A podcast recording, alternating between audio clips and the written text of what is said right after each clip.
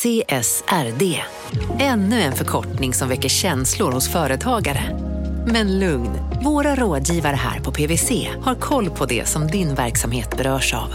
Från hållbarhetslösningar och nya regelverk till affärsutveckling och ansvarsfulla AI-strategier. Välkommen till PWC. Välkommen till Unionen. Jo, jag undrar hur många semesterdagar jag har som projektanställd och vad gör jag om jag inte får något semestertillägg? Påverkar det inkomstförsäkringen? För jag har blivit varslad, till skillnad från min kollega som ofta kör härskarteknik på möten och dessutom har högre lön trots samma tjänst. Vad gör jag nu? Okej, vi tar det från början. Jobbigt på jobbet. Som medlem i Unionen kan du alltid prata med våra rådgivare. Ja, Hallå? Pizzeria Grandiosa? Jag vill ha en Grandiosa capriciosa och en pepperoni. haha, något mer? Med kaffefilter. Ja, Okej, ses samma. Grandiosa, hela Sveriges hempizza. Den med mycket på.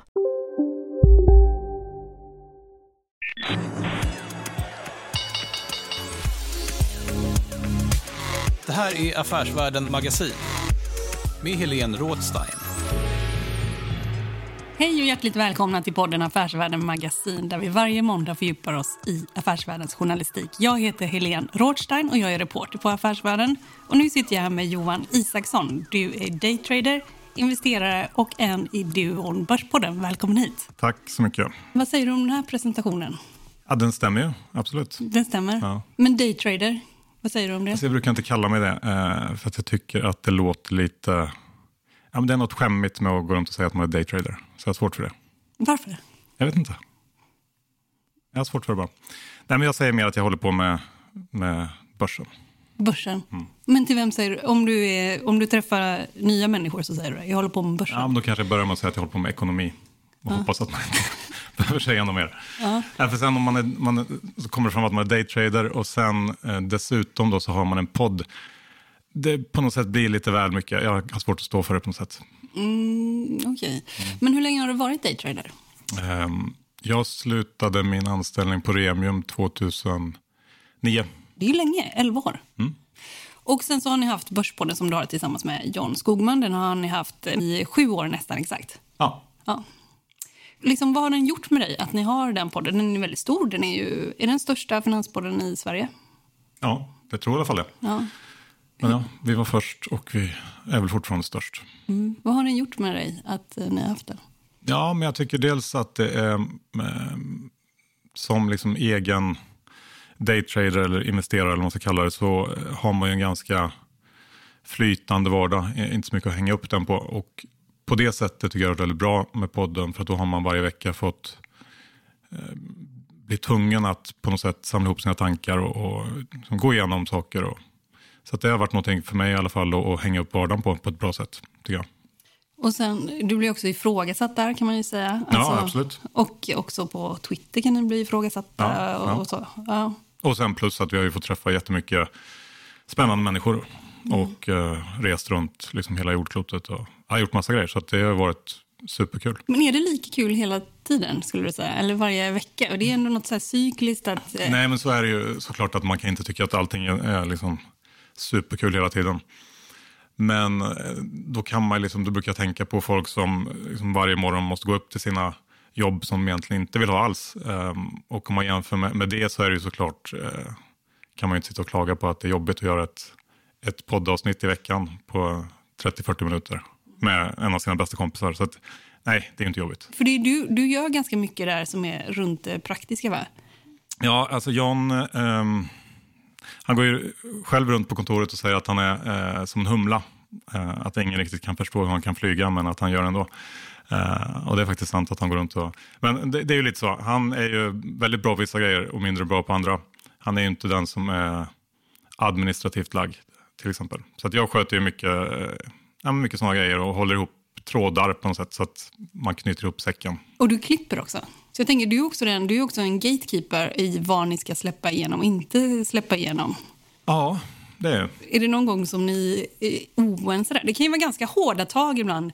Liksom, Det kan vara lite hårda o- svordomar kan förekomma. Nej, men det kan ju vara hårda ord och sådär också. Finns det någonstans eh, där du bara, nej men det här kör vi inte på och eh, där ni inte kommer överens? Eller är du liberal? Nej, det är, friar ju på något sätt hellre än fäller. Ehm, men det är klart att det har ju kanske halkat eller slunkit igenom en del grejer som framförallt John sagt ibland som, som man kanske kunde fundera på. Men ja, samtidigt så är det ju en, liksom, poddar ska ju på något sätt vara lite så här punkiga och, och källar, liksom lokal och jag vet inte, jag tycker att det hör till också att man tänjer lite grann på gränserna eh, och så, liksom, så extrema grejer säger vi inte. Eh, så att jag tycker att det är någon, någon fara direkt. Om man ska ta så här, er två, liksom, så är ju... Eh, han syns ju så himla mycket mer än vad du gör. Jag har verkligen tänkt på det. Att han är ute och eh, liksom pratar lite hej vilt och sådär mm. i olika... Du gör inte det så mycket. Hur kommer det sig? Jag tror han, han, John gillar ju det mycket mer än vad jag gör. Uh, är det så? Ja. Och han, han, uh, ja, han gillar verkligen det. Men inte du? Nej. Nej. Ja, alltså jag tycker det räcker ganska bra. Jag pratar ju ändå en gång i veckan i podden. Mm. Uh, det är ju det är mycket. Ja, för de flesta skulle, skulle det vara tillräckligt. att ja. jag, eh, jag känner att det, jag har inte så mycket mer att komma med. Ja, du känner dig så här tömd liksom? Ja. ja. När jag frågade dig ifall, jag, ifall du ville komma hit så tänkte jag bara, han kommer säga nej till det. Uh, hmm. Och då tänkte jag, men jag föreslår något som liksom går över att du skulle vara här i studion. Och då sa jag till exempel, ah, men vad sägs om att jag kommer att hälsa på dig i uh, Marbella, där jag vet att du håller till för att ni också har pratat om det i podden. Och så tänkte jag det kommer jag säga nej till. Då kommer vi ändå, liksom i slutändan kommer vi ändå landa här. Liksom. Mm. Men eh, du sa ju typ så här, ja men kom här om, eh, ja, jag ska dit eh, så här om några veckor. Du kan komma dit och hälsa på. Och sen så fick jag inte ihop det. Men tror du annars att det hade gått om man hade typ kört, om man hade tagit en podd, du som har kört på liksom länge, om vi hade tagit en podd och så liksom kör man så flera språk så hade man så kunnat skala upp på flera marknader. Tror du att det hade gått? Jag tror... Ja, Filip typ. och Fredrik körde ju sin podd på engelska ett tag. Det var väl ingen hit? Wasn't that nice? Ja, det där jag känner direkt att det där... Jag tror... Tyvärr är det ju så att vi eh, är stora på en väldigt liten marknad på något sätt. Vi har ju pratat om det ibland, jag och John. Eh, att det, det är vi lite bittra för. Hade det varit USA så hade vi liksom tjänat hundratals miljoner på podden. Men Eh, nu är det Sverige. Men du, jag tänker på dig ganska ofta. För eh, vad det gäller just marknader och så, så tänker jag jätteofta på något som du har sagt för länge sedan. Och det känns som att du säger det upprepade gånger. Och det är det här med, eh, liksom, om man har en stor potentiell marknad. Du är trött på att man säger om man tar så här 1 av en miljard kineser till exempel. Mm. Och eh, det här är ett argument som kommer väldigt ofta i bolag. Man pekar på en potentiell marknad, inte minst vad det gäller life science-bolag till exempel. Vad är det som är så ihåligt med det argumentet? Nej, men det är ju ett, det är ett väldigt lockande argument. Um, för lyckas man då bara fånga en pytteliten del av den här enorma potentiella marknaden så, så blir det succé. Och eh, då tänker man ju, kanske som investerare att hur svårt kan det vara mm. att göra? Eh, men om det är en så enorm marknad så finns det ju antagligen också en enorm konkurrens. Eh, och i många branscher idag så är det ju oftast marknadsledaren som, som liksom tar hem den absolut största delen av kakan. Eh, och eh, det man heller kanske inte tänker på att i många fall så räcker det inte att mm, ha en, en produkt som är lite bättre eller kanske till och med ganska mycket bättre än den som är eh, marknadsledande idag. För att det krävs så mycket för att få folk att byta, eh, ändra mönster och, och, testa en ny tjänst. Så det, är ju, det är väldigt lätt att lura sig själv eh, på det sättet. Mm. För Det känns också som att du är liksom ingen som tycker om så här fas 1, fas 2, kanske fas 3 kanske, ja. äh, bolag. Det är, ingen, det är inte din grej. Nej, verkligen inte. Um, har du bränt dig? Ja, det har jag absolut. Nej, men I biotech så är det ju oftast att man pratar om sådana grejer. Och Eh, där missar man också ytterligare en grej, att det, det, är ju faktiskt så att det är ganska svårt att få fram en, en produkt eh, som blir godkänd till slut. Eh, men, men eh, jag har bränt mig ja, eh, där. Och, ehm, Vil, vilket, vilket bolag? Det är ett bolag som heter Bioinvent. Eh, det finns ju fortfarande noterat på börsen. Ehm, Vad hände? Ja, men, så jag har alltid från början haft, även innan jag gick in i Bioinvent så, så har jag vetat om att ja, man ska inte, jag läste Peter Lynch tidigt liksom, när jag började med aktier och man ska inte gå in i, i bolag som inte tjänar pengar och förhoppningsbolag och så vidare. Så att jag visste ju det. Eh, jag hade ju det i bakhuvudet på något sätt. Eh, men sen av en eller annan anledning så halkade in i, på Bioment eh, genom en, en eh, kompis eh, som var storägare kan man säga och eh, började liksom öppna upp mig kan man säga. ta åt mig av, liksom, lyssna och, och liksom försöka förstå. Och då blir man ju väldigt lätt insugen i den typen av bolag. Hänförd liksom. Ja, och Bioinvent var på den tiden, liksom, eh, första halvan av 2000-talet kanske, um, Sveriges liksom, mest lovande biotechbolag. Uh, och hade väl fyra eh, liksom, projekt på gång som var alla väldigt så här, spännande. Och de hade avtal med stora amerikanska biotechbolag och allting såg jättebra ut. Um, och jag kommer ihåg att uh, det, var, det här var under våren, då anordnade de sin uh, första kapitalmarknadsdag någonsin. Och så visste man att det skulle komma resultat sen, någon månad senare. Uh, och då tänkte man ju såklart att de kommer ju inte anordna en, en kapitalmarknadsdag om de inte har sett någonting här redan innan. Så det, man tolkar ju allting också eh, väldigt positivt när man väl har köpt in på caset. Ja, men det är inne i en tunnel. Ja, och både jag och John och ja, några andra kompisar var på den här bio, eller kapitalmarknadsdagen. Och under lunchpausen kommer jag ihåg att då hamnade jag bredvid en, en äldre herre eh, och så började vi snacka lite grann.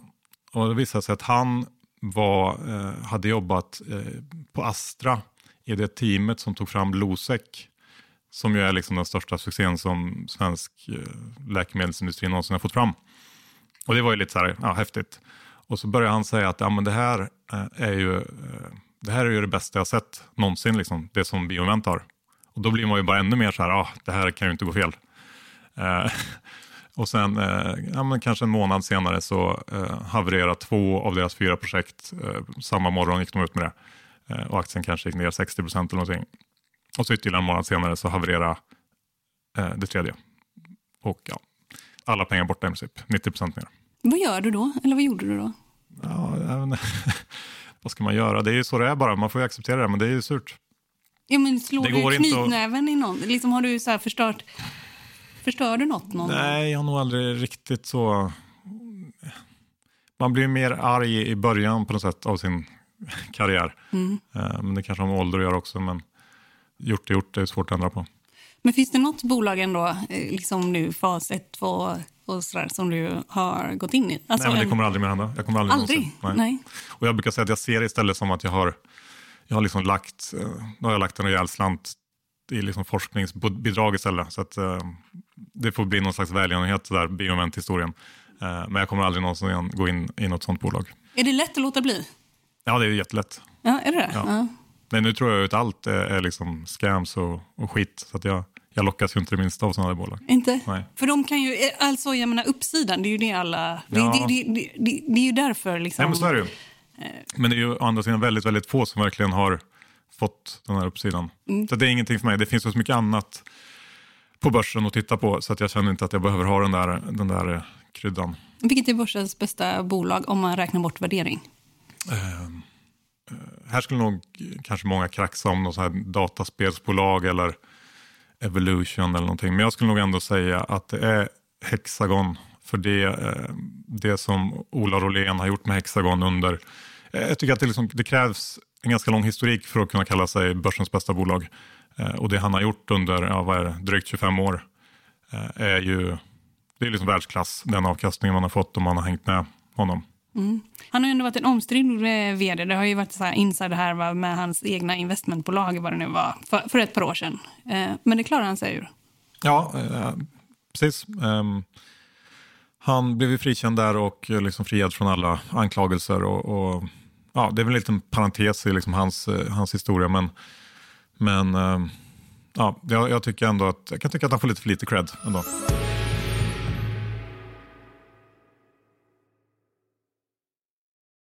Marknaden sponsras av SPP, pensionsbolaget. Eh, förra gången pratade vi lite om ITP.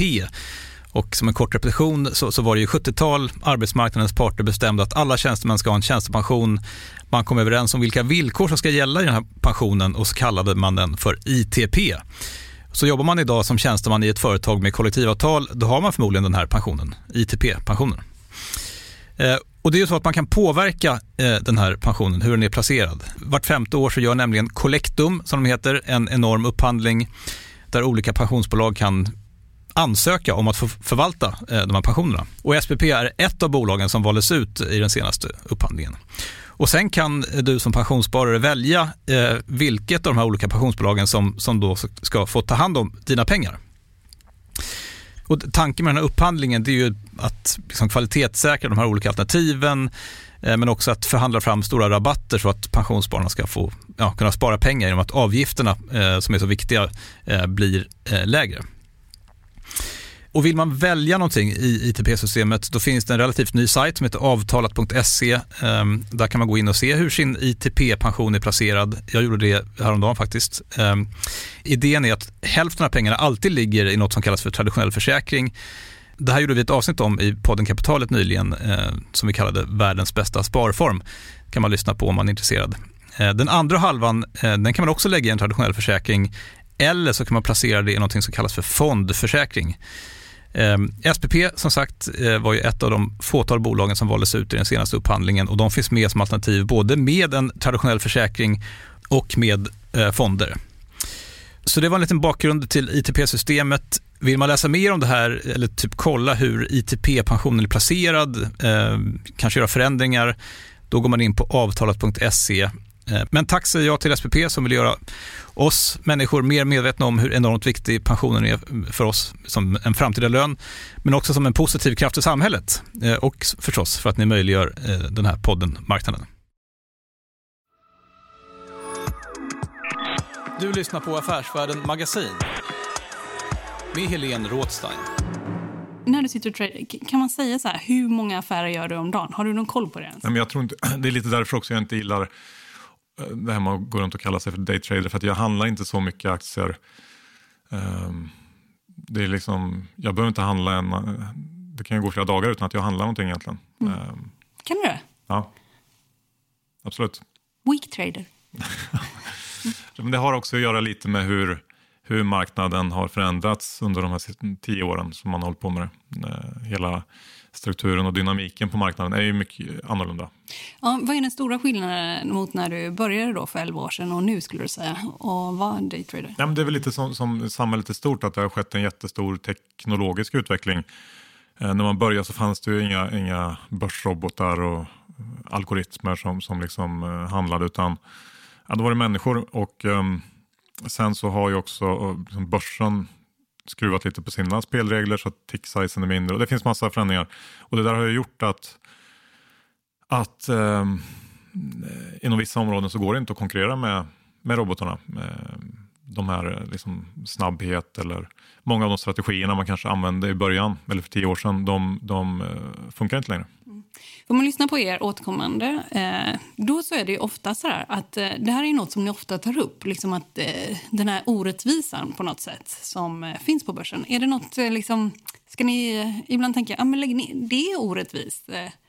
Alltså, det är lite ja, men, orättvist. Det blir kanske lite, när vi pratar om det i podden så kan vi vinkla det lite grann. Ehm, det är inte så att vi går runt och är bittra och arga på liksom, robotarna och liksom knyter näven och liksom hoppas för att ja, det ska vara som det var förr. Utan det där får man ju, liksom, det gäller ju allt. Ja. Uh, man får ju bara acceptera det och, och liksom hänga med, annars kan man ju lägga av bara. Mm. Så är det ju. Mm. Det jag kan fortfarande ibland störa mig på är ju att spelreglerna kanske inte riktigt är eh, liksom samma för alla. Att ändå eh, de förändringar som börsen har gjort, det är ju det är svårt att, att liksom och inte tycka att de gynnar eh, deras största kunder som är de här firmorna. Eh, för att det är liksom ingen som är glad över att man kan handla liksom Volvo i ettöringar eh, i spreaden. Eh, det blir liksom inte enklare och, och för någon att köpa in en post utan de enda som det förbättrar för är de här eh, datahandlarna som är extremt, extremt snabba och kan liksom frontrunna och, och ja, allt vad de gör. Ja, vad kan det få för konsekvenser på sikt? Ja, men det är väl dels en, liksom en förtroendefråga för kapitalmarknaden i stort. Så här. Det är ju som, man kan ju se det som någon slags eh, skatt på aktiehandel. Uh, för de här är inne och tar, liksom det är, i varje enskild transaktion är det inte så mycket, men om det blir någon krona där och, och tio kronor här och så gör man det i alla aktier uh, över hela världen uh, samtidigt så blir det väldigt mycket pengar. Och, ja, det är svårt att se varför det ska behöva vara så. Så det, det, kan ju driva handel till andra handelsplatser och, och jag vet inte. Det är, jag inte, tycker inte att det är särskilt positiv utveckling. Men, um... Om du tänker så, finns det något liksom, det här borde faktiskt göras, det här borde regleras. Har du liksom någon tanke typ, det här borde man Nej, egentligen inte. Alltså jag, jag kan tycka bara att, att man, det borde vara mer på lika villkor. Men nu, jag, jag snackar ju, jag har ju någon slags uh, bias, Bias, också, ja. uh, såklart. Mm. Uh, och det är inte så att jag går runt och tänker på det här varje dag. Jag brinner inte för den här frågan. Nej. Möjligtvis det här med att man också har, är väldigt tuff med sådana här så kallade enpetare mot privatpersoner. Uh, och, och Alltså över, man- övervakningen helt Ja, enkelt. Ja. och dömer ut enorma böter för det. Eh, Mm. Helt, helt orimligt höga böter. Och samtidigt så ser man ju ändå att de här datorerna också ofta handlar med, med en aktie. Eller liksom gör. Men ja, Ja, och, och det som har varit en kritik är att de åker aldrig dit för någonting. Medan, privatpersoner gör det, Ja. fast handlingen är, är, är Ja, samma. men ungefär ja, så. Ja. Ja. Mm. Eh, in, inför att du skulle komma hit så, eh, så skickade jag mejl. Så sa jag, så här, jag tycker ofta att du eh, pratar väldigt mycket om spelbolag och du, eh, det landar ofta i Kambi. Så här. Och då hade inte jag lyssnat på ert senaste avsnitt, det, var för två veckor sedan. Då. Och då var det precis så. Du pratar väldigt mycket så här, ja men här är spelbolag och så mynnar det ut typ i Kambi. Och då tänkte jag bara, men har du lite så här, så här spelbolagssjukan eller? ja, jag vet inte vad, vad den sjukan innebär. Men det, det där kommer nog egentligen från att jag följde de här bolagen när jag jobbade som analytiker. Eh, och jag har liksom, de här bolagen började poppa fram under mitten av 2000-talet och, och kom in på börsen. Och, eh, så att jag har följt sektorn sedan den på något sätt föddes, eh, i alla fall på börsen. Och Så- som har liksom förgrenat sig kan man ju säga, knoppats Ja, av. absolut. Ja. Så att det är väl att jag har, det är en sektor som jag känner mig ganska bekväm att prata om. Mm. Eh, Och sen att det var mycket snack här för några veckor sedan var nog att då hade de här bolagen precis kommit med sina Q3-rapporter. Så att då gick vi igenom. Och, och, vilka, och vilka bolag pratar vi om då? Vi pratar om Men operatörerna Kindred, Leo Vegas, eh, Betsson och, och, och Evolution. Kambi. Pratar, ja, Evolution. Ja. Vilka, vilka av dem har du tjänat mest eh, pengar på? Nej, men det är väl kanske Kambi och NetEnt. Eh, Det är ju liksom leverantörer inom sektorn eh, av Mm. mjukvara kan man säga. Hur mycket har du tjänat på Kambi då? Det vet jag inte riktigt. Det är svårt att säga. Men Sex miljoner? det var... Nej, jag vet inte. där, jag vet där, inte. där någonstans. Eh, nej, jag, kan- jag kan inte svara på det. Jag vet inte. Mm. Men har varit, jag, den har jag ägt ganska i många år. Så att, eh, det är ändå ett bolag som jag har, har liksom, i min långsiktiga portfölj. Mm, vad har du mer i din långsiktiga portfölj? Nej, men just nu så har jag, sålt, jag har sålt av ganska mycket aktier sista tiden här. Eh, och jag har ändå, alltså det är många som, som liksom, jag har, ju- jag har en historik av att ha varit kanske lite för negativ till börsen om man säger så, Ja. under många år. Ja. Och det har varit ett enormt misstag så jag har ändå på något sätt försökt rätta till det och tvingat mig själv att, eh, att, att vara lång eh, under nu de sista ja, åren. Eh, så att, men ibland så får jag ändå sådana här, nu kände jag ändå att det, det har gått väldigt, väldigt bra i år. Och, jag har, så jag har ändå ganska lite aktier nu. Ja, har du det? Mm. Ja, va, va, men om vi tar din långsiktiga portfölj, vad har du där? Ja, Men förutom, Kambi är väl det största liksom, enskilda aktieinnehavet. Ganska dyr väl? kan man säga. Sen har jag väl slattar i mindre bolag som jag inte antingen är på väg ur eller ja, inte kanske tycker platsar riktigt i portföljen. När du säljer av, det är inte så att du sätter in de här pengarna på bankkonto. Vad har du gjort istället då? Nej, men dem har jag inte gjort någonting för tillfället.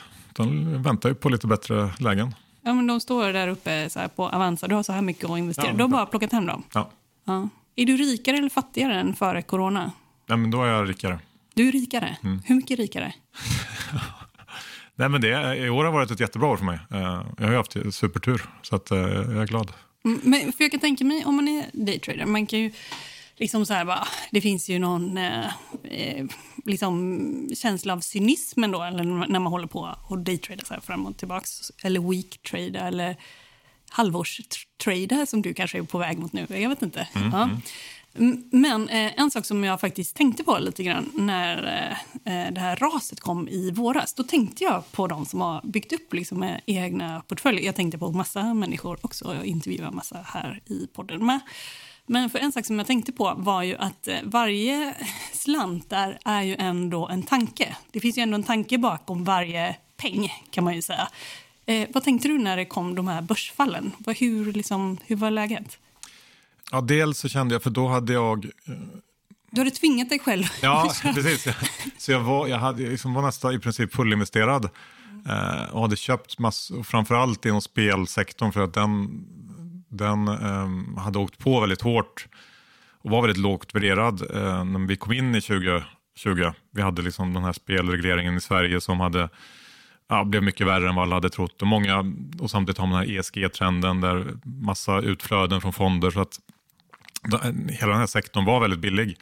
Eh, så att jag, jag liksom hade bettat på att 2020 blir året som, som vi får en liten förbättring där. Um, och sen så blev det ju på något sätt i början av den här krisen att, att de här bolagen, trots att de är coronavinnare, och det kunde man ju ändå ganska snabbt liksom tänka sig att, att de skulle bli också, mm. eh, så blev, åkte de ju på väldigt, väldigt hårt. Kambi gick ju, liksom, som jag hade mest i, gick väl från kanske ja, 160-180 ner till 60 kronor som lägst. Och att de skulle vara eh, coronavinnare, det var för man skulle sitta hemma, man skulle spela ja, men med... Ungefär så. Ja, ja. Mm, ja. Sen är det klart att just Kambi som, som är beroende av att sport. spela sport, man förstår ju att det kanske inte var optimalt läge. Nej. Så att det där var ju lite sådär bittert att okej, okay, nu har jag köpt massa aktier trots att jag egentligen är, är lite smånegativ och så åker jag med ändå. Men det är lite så börsen funkar, att man luras in när man inte ska det och, och tvärtom. Eh, det är ju det den är så bra på. Eh, så då, men då var det inte så mycket mer att göra utan jag kunde inte liksom sälja de här aktierna på botten utan då fick man ju bara hänga kvar och hoppas på det bästa. Så det är ju bara, ja, det är tur att, det, att det sen, jag hade rätt aktier som, som visade sig vara vinnare på det här. Och att man inte säljer då på botten, för det måste ju ändå kanske, man vet ju aldrig när botten är. Nej, ju. så är det. Ja, så är mm. det. Eh, att, men det, det, känns också som en slags självdisciplin att, att sitta kvar, eller? Eller det, det vet du sen tidigare? Ja, um, alltså man samlar ju på sig någon slags bibliotek av händelser och mönster och, och vad man nu vill kalla det eh, under åren som man håller på. Så det hjälper ju till på något sätt som sitter i, i ryggraden att, att ja, inte begå de här värsta misstagen på något sätt. Um, och sen någonstans när det var som lägst där så, så var ju saker, om man inte trodde att att det skulle gå fullständigt åt helvete så, så var det ju väldigt mycket som var billigt. Eh, och då kan man ju på något sätt börja intala sig själv att rent fundamentalt så borde det här vara ganska bra läge nu. Eh, och sen om man ska ta något så här specifik detalj så just i, i Kambi till exempel så köpte eh, vdn gick in och köpte med lånade pengar väldigt mycket aktier. Eh, ja, någon 10 kronor eh, innan den bottnade. Och en sån signal är också väldigt, alltså det tycker jag är väldigt, eh, det är en stark signal och det är väldigt bra tycker jag att göra det eh, av en vd i ett sånt läge och gå in och själv visa att okej okay, men jag tror inte att det här kommer att gå liksom helt åt helvete utan nu går jag in och ja, tungt här. Eh, marknaden sponsras av Karla. Eh, vi pratar ju en hel del om bilar här på kontoret. Eh, Karla har ju skapat, skulle jag säga, det som är standarden för hur man idag köper och säljer bilar på nätet. Kort bakgrund bara.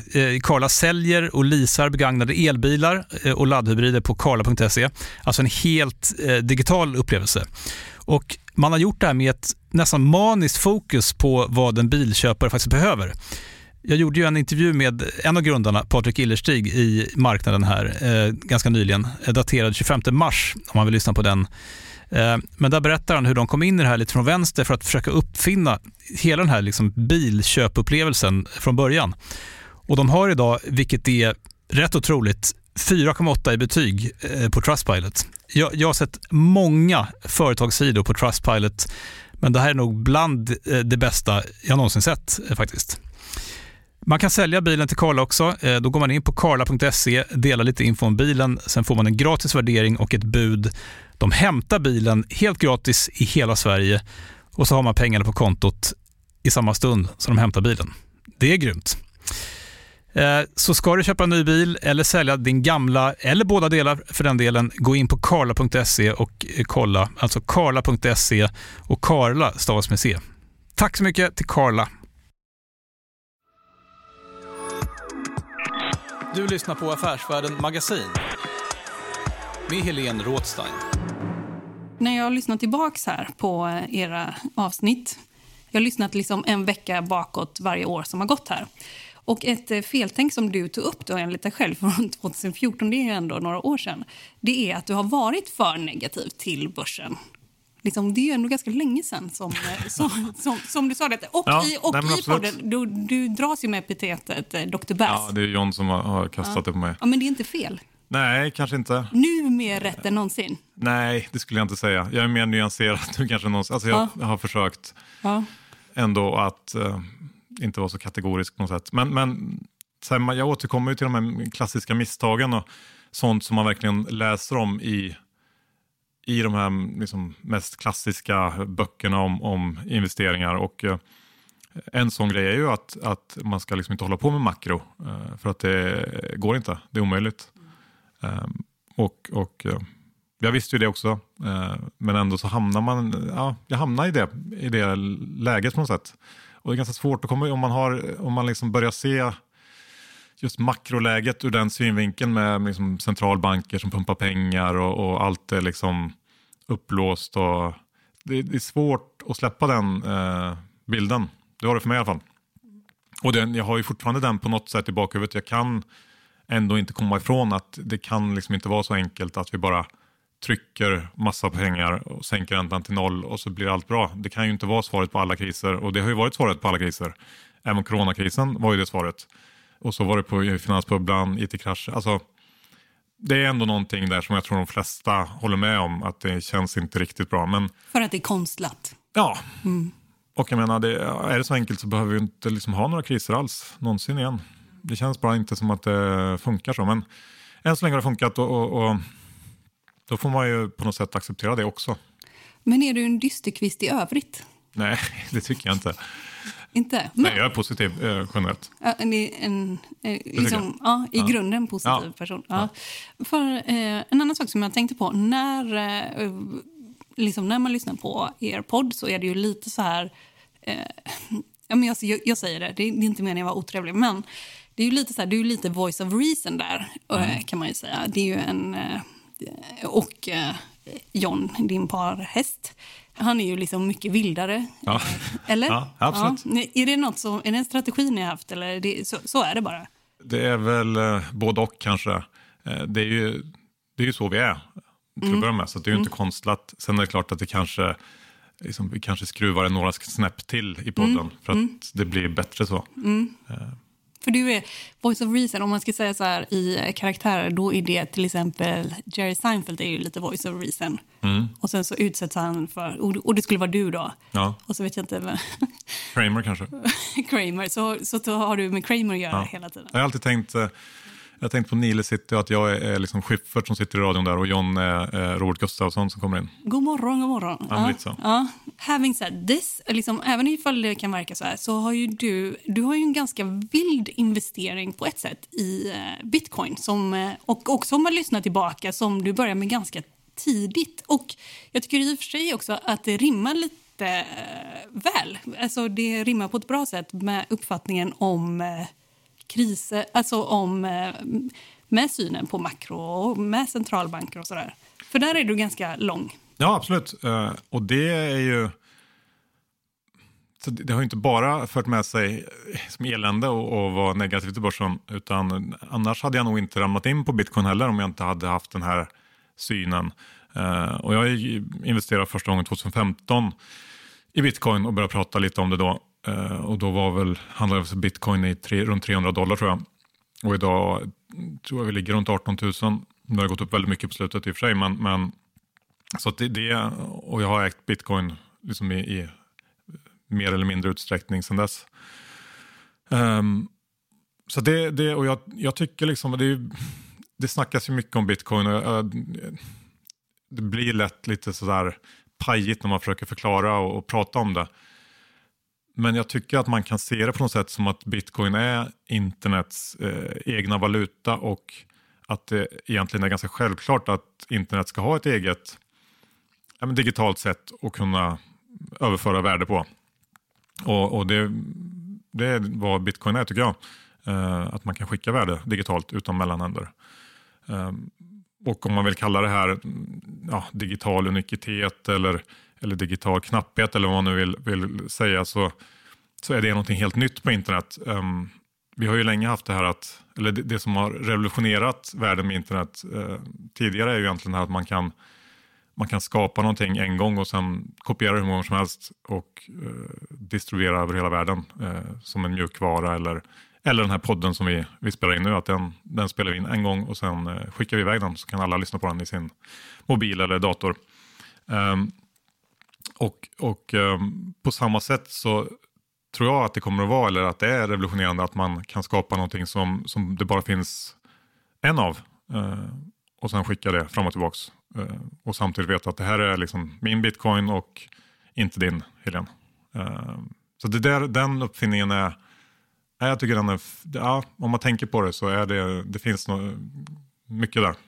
Men om man tänker, för nu så närmar det bitcoin sig, det närmar ju sig rekordnivå som var 2017. Ganska nära är vi väl, tror jag. Och, det hänger väl ihop med liksom det, ett, eh, vad ska man säga, eh, makroekonomisk osäkerhet som gör att det... Eh, så, så, som du ser också, liksom själv, i dig själv. Ja, ja eller, eller, som finns, jag vet Ja, precis. Alltså eftersom i år så har det väl liksom stimulerats mer än vad det någonsin har gjort något år. Det är klart att det är perfekta förutsättningar för, för bitcoin eh, på något sätt. Hur ska man fatta liksom att nu, eh, nu verkar det här liksom slå taket? Många pratar ju om att, att jämföra bitcoin med guld ja. Eh, och pratar om det som digitalt guld. Ja. Och det är väl en, en, en, rimlig liknelse för att den har väldigt många egenskaper som, som liknar guld och, och på egentligen alla sätt tycker jag är bättre än guld så det finns väl ingen anledning till att bitcoin skulle kunna ta över vad guld är idag. Och om bitcoin ska bli värt lika mycket som allt guld är värt så, så ska bitcoin kanske stå i en halv miljon dollar. Men jag, jag ser det på lång sikt och jag tror att det ska mycket, mycket högre upp än vad vi är idag. Ja, tror det? Ja. ja. Jag, jag tror att, uh, att det finns mycket mer att hämta. Alltså, vad grundar du det på? Ja, men som guldliknelsen är ju en sak. Eh, den kan man ju ta. Men jag tycker också att det är så mycket mer än så. Jag tror, jag, jag tror ju eh, att vi någon gång i framtiden kommer att se att, att liksom mycket av det finansiella systemet kommer att byggas på, på krypto eh, istället för det sätt vi har idag.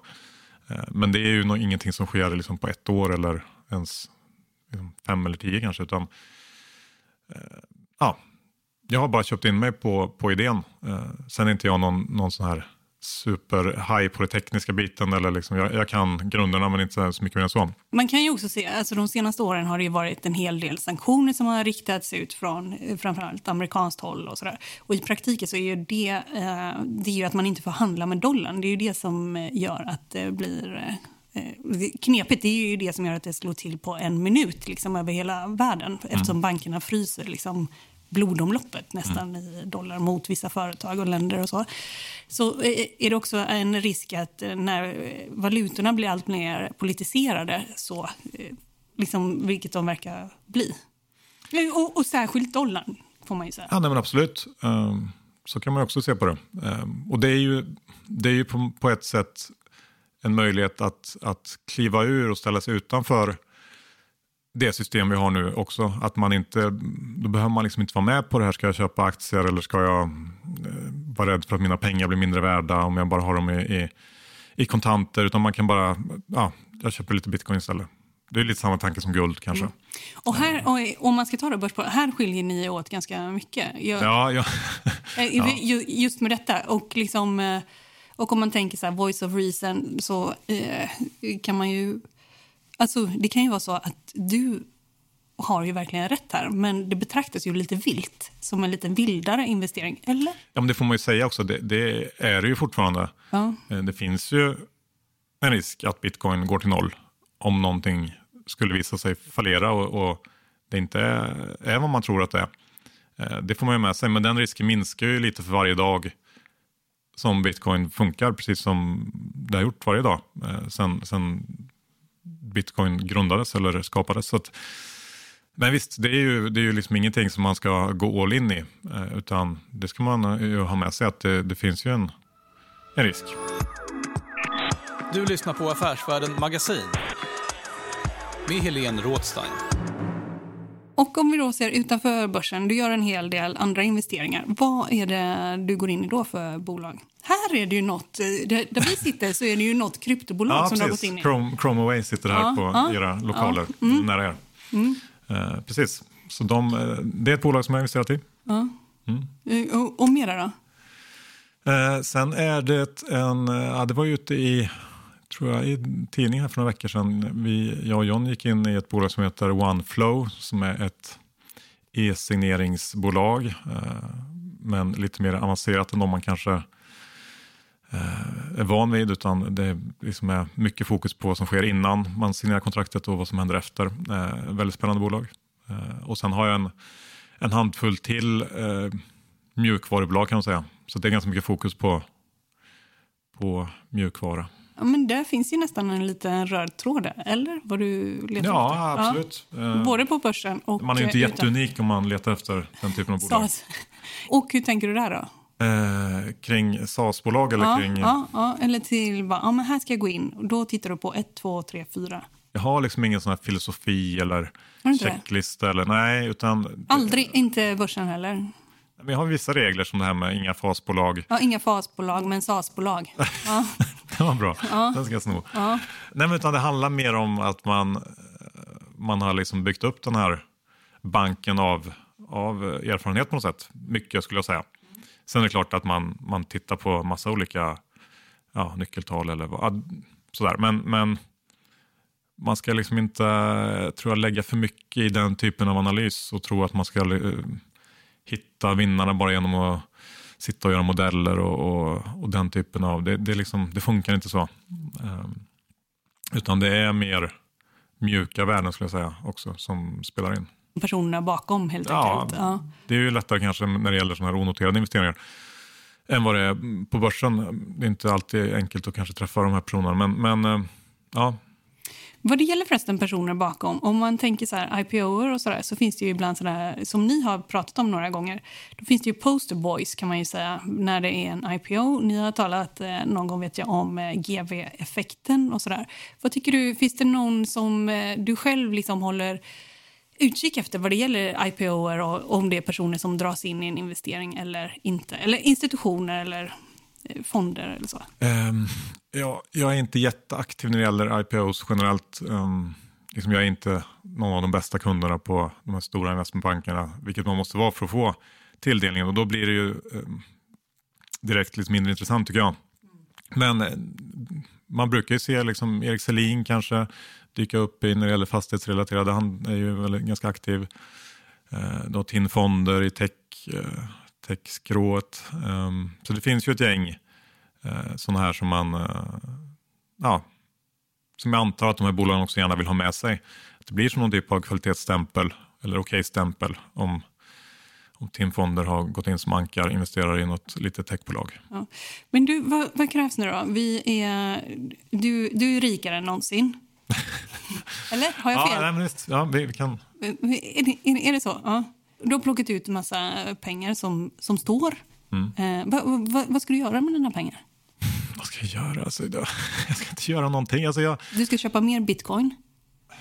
Ja, kanske om det, Bitcoin har ju någon slags historik av att gå upp kraftigt och sen krascha. Så det har, om vi får en, en liten sättning så kan jag tänka mig att köpa mer. Mm. Just nu avvaktar jag lite tror jag. Ja. Nej men annars så, alltså jag har det jag behöver i mitt, jag är inte liksom ute efter, eh, jag är ganska nöjd med, med min livssituation så att jag, jag vet inte.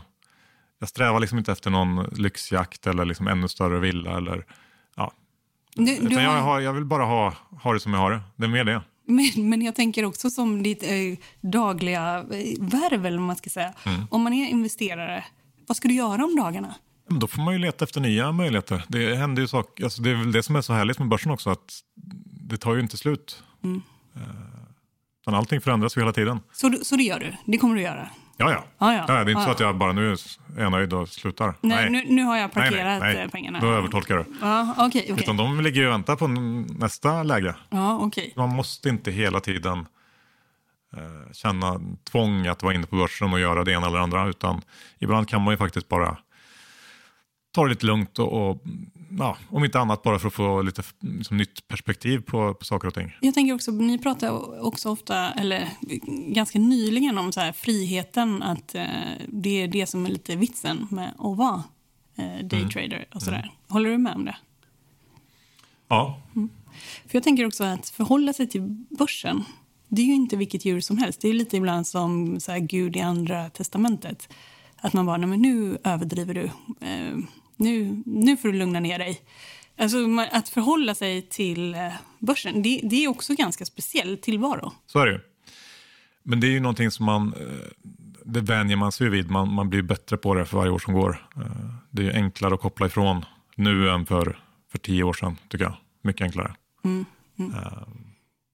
Och sen så tycker jag ändå att, ja visst man kan ju hävda att man inte riktigt är fri och på något sätt alltid slav under börsen och nyhetsflödet och vad som händer. Och så jo, för det, det pågår ju jämt. Ja, så är det ju på ett mm. sätt. Um, men samtidigt så har jag valt det för att jag tycker att det är väldigt, väldigt kul. Och ja, det är ju ändå jag som bestämmer själv uh, över mig och jag har ingen chef som, som liksom pekar att nu ska du göra det här Johan och nu måste du gå. John är inte sån chef för det. alltså det, det om någon är chef för Börspodden så är det väl jag som är chef för honom tror jag. Mm. Jag säger tack till dig Johan Isaksson för att du kom och var med i podden Affärsvärlden Magasin. Tack, superkul. Du har lyssnat på podden Affärsvärlden Magasin med mig, Helene Rothstein. Mer fördjupande reportage, artiklar, analyser hittar du på affärsvärlden.se. Och där kan man ju förstås också beställa en prenumeration om man vill. Det går bra att eh, kontakta mig om man har förslag på vem man ska intervjua eller om man har något annat man vill prata lite om eller mejla om. Min mejladress är helene.rothstein.affärsvännen.se helene.rothstein snabel affärsvärlden.se Och den här podden, den är tillbaka om en vecka. Håll ut!